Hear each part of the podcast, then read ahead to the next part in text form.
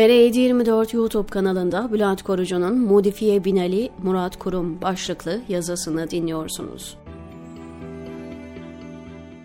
Türkiye hiçbir zaman çöp ithalatı yapmamıştır. Ham madde olarak atık alıyoruz. Cümlesini kurabilen Ademoğlundan ben korkarım.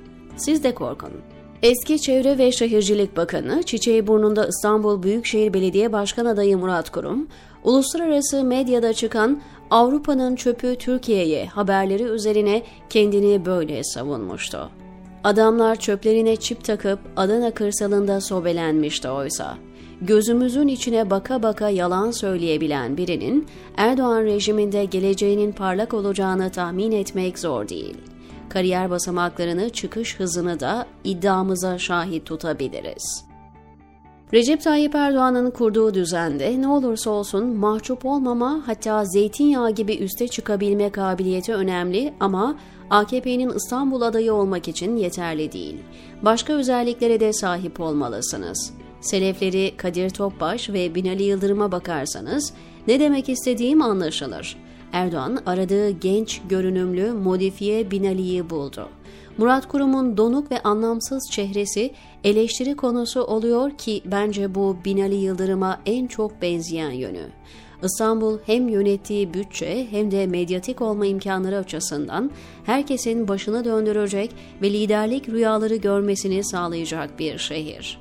Fazla eskiye gitmeye gerek yok. Bedrettin Dalan, Tayyip Erdoğan, Ali Müfit Gürtun'a ve Ekrem İmamoğlu örneklerini sayabiliriz. Cumhurbaşkanı Erdoğan'ın akıbetini yaşamamak adına hep temkinli davrandı. Lider kumaşı olmayan, koltuğuna tehdit oluşturmayacak düşük profil isimleri seçti. Söz konusu familyanın diğer özelliği verilenle yetinmesi ve talepkar olmaması. İdris Güllüce'nin yerine Topbaş'ın tercih edilmesi bu yüzdendi. Tevfik Göksu ve Güllüce'nin de lider kumaşı yok, lakin onlar önlerine konanla yetinmek yerine yandaki tabağa gözleri kaydı. Erdoğan'ın kitabında yeri olmayan hatta büyük günah diyebileceğimiz şeylerdendir bu.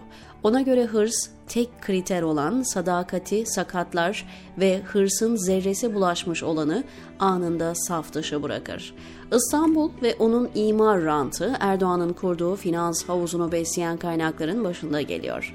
Sadakatinden tamamen emin olmadığı kimseyi gözünün başına oturtmaz. Aslında kimseye de yüzde yüz güvenmez. Sadece kendisinden ne kadar çekindiğini, korktuğunu ölçmeye çalışır.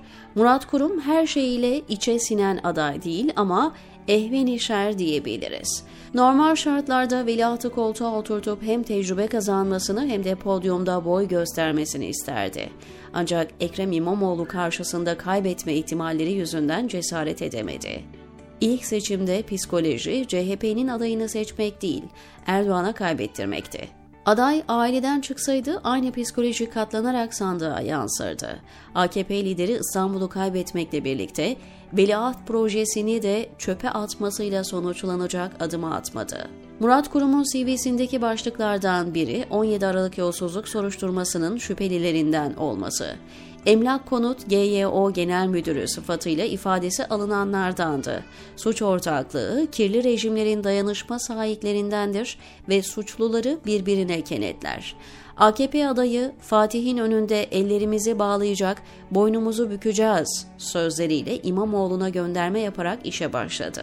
Keşke hakikate hürmet edecek, adalete boyun eğecek olsalardı. Hep birlikte işte muradımız buydu deseydik, diyor Bülent Korucu TR724'deki köşesinde.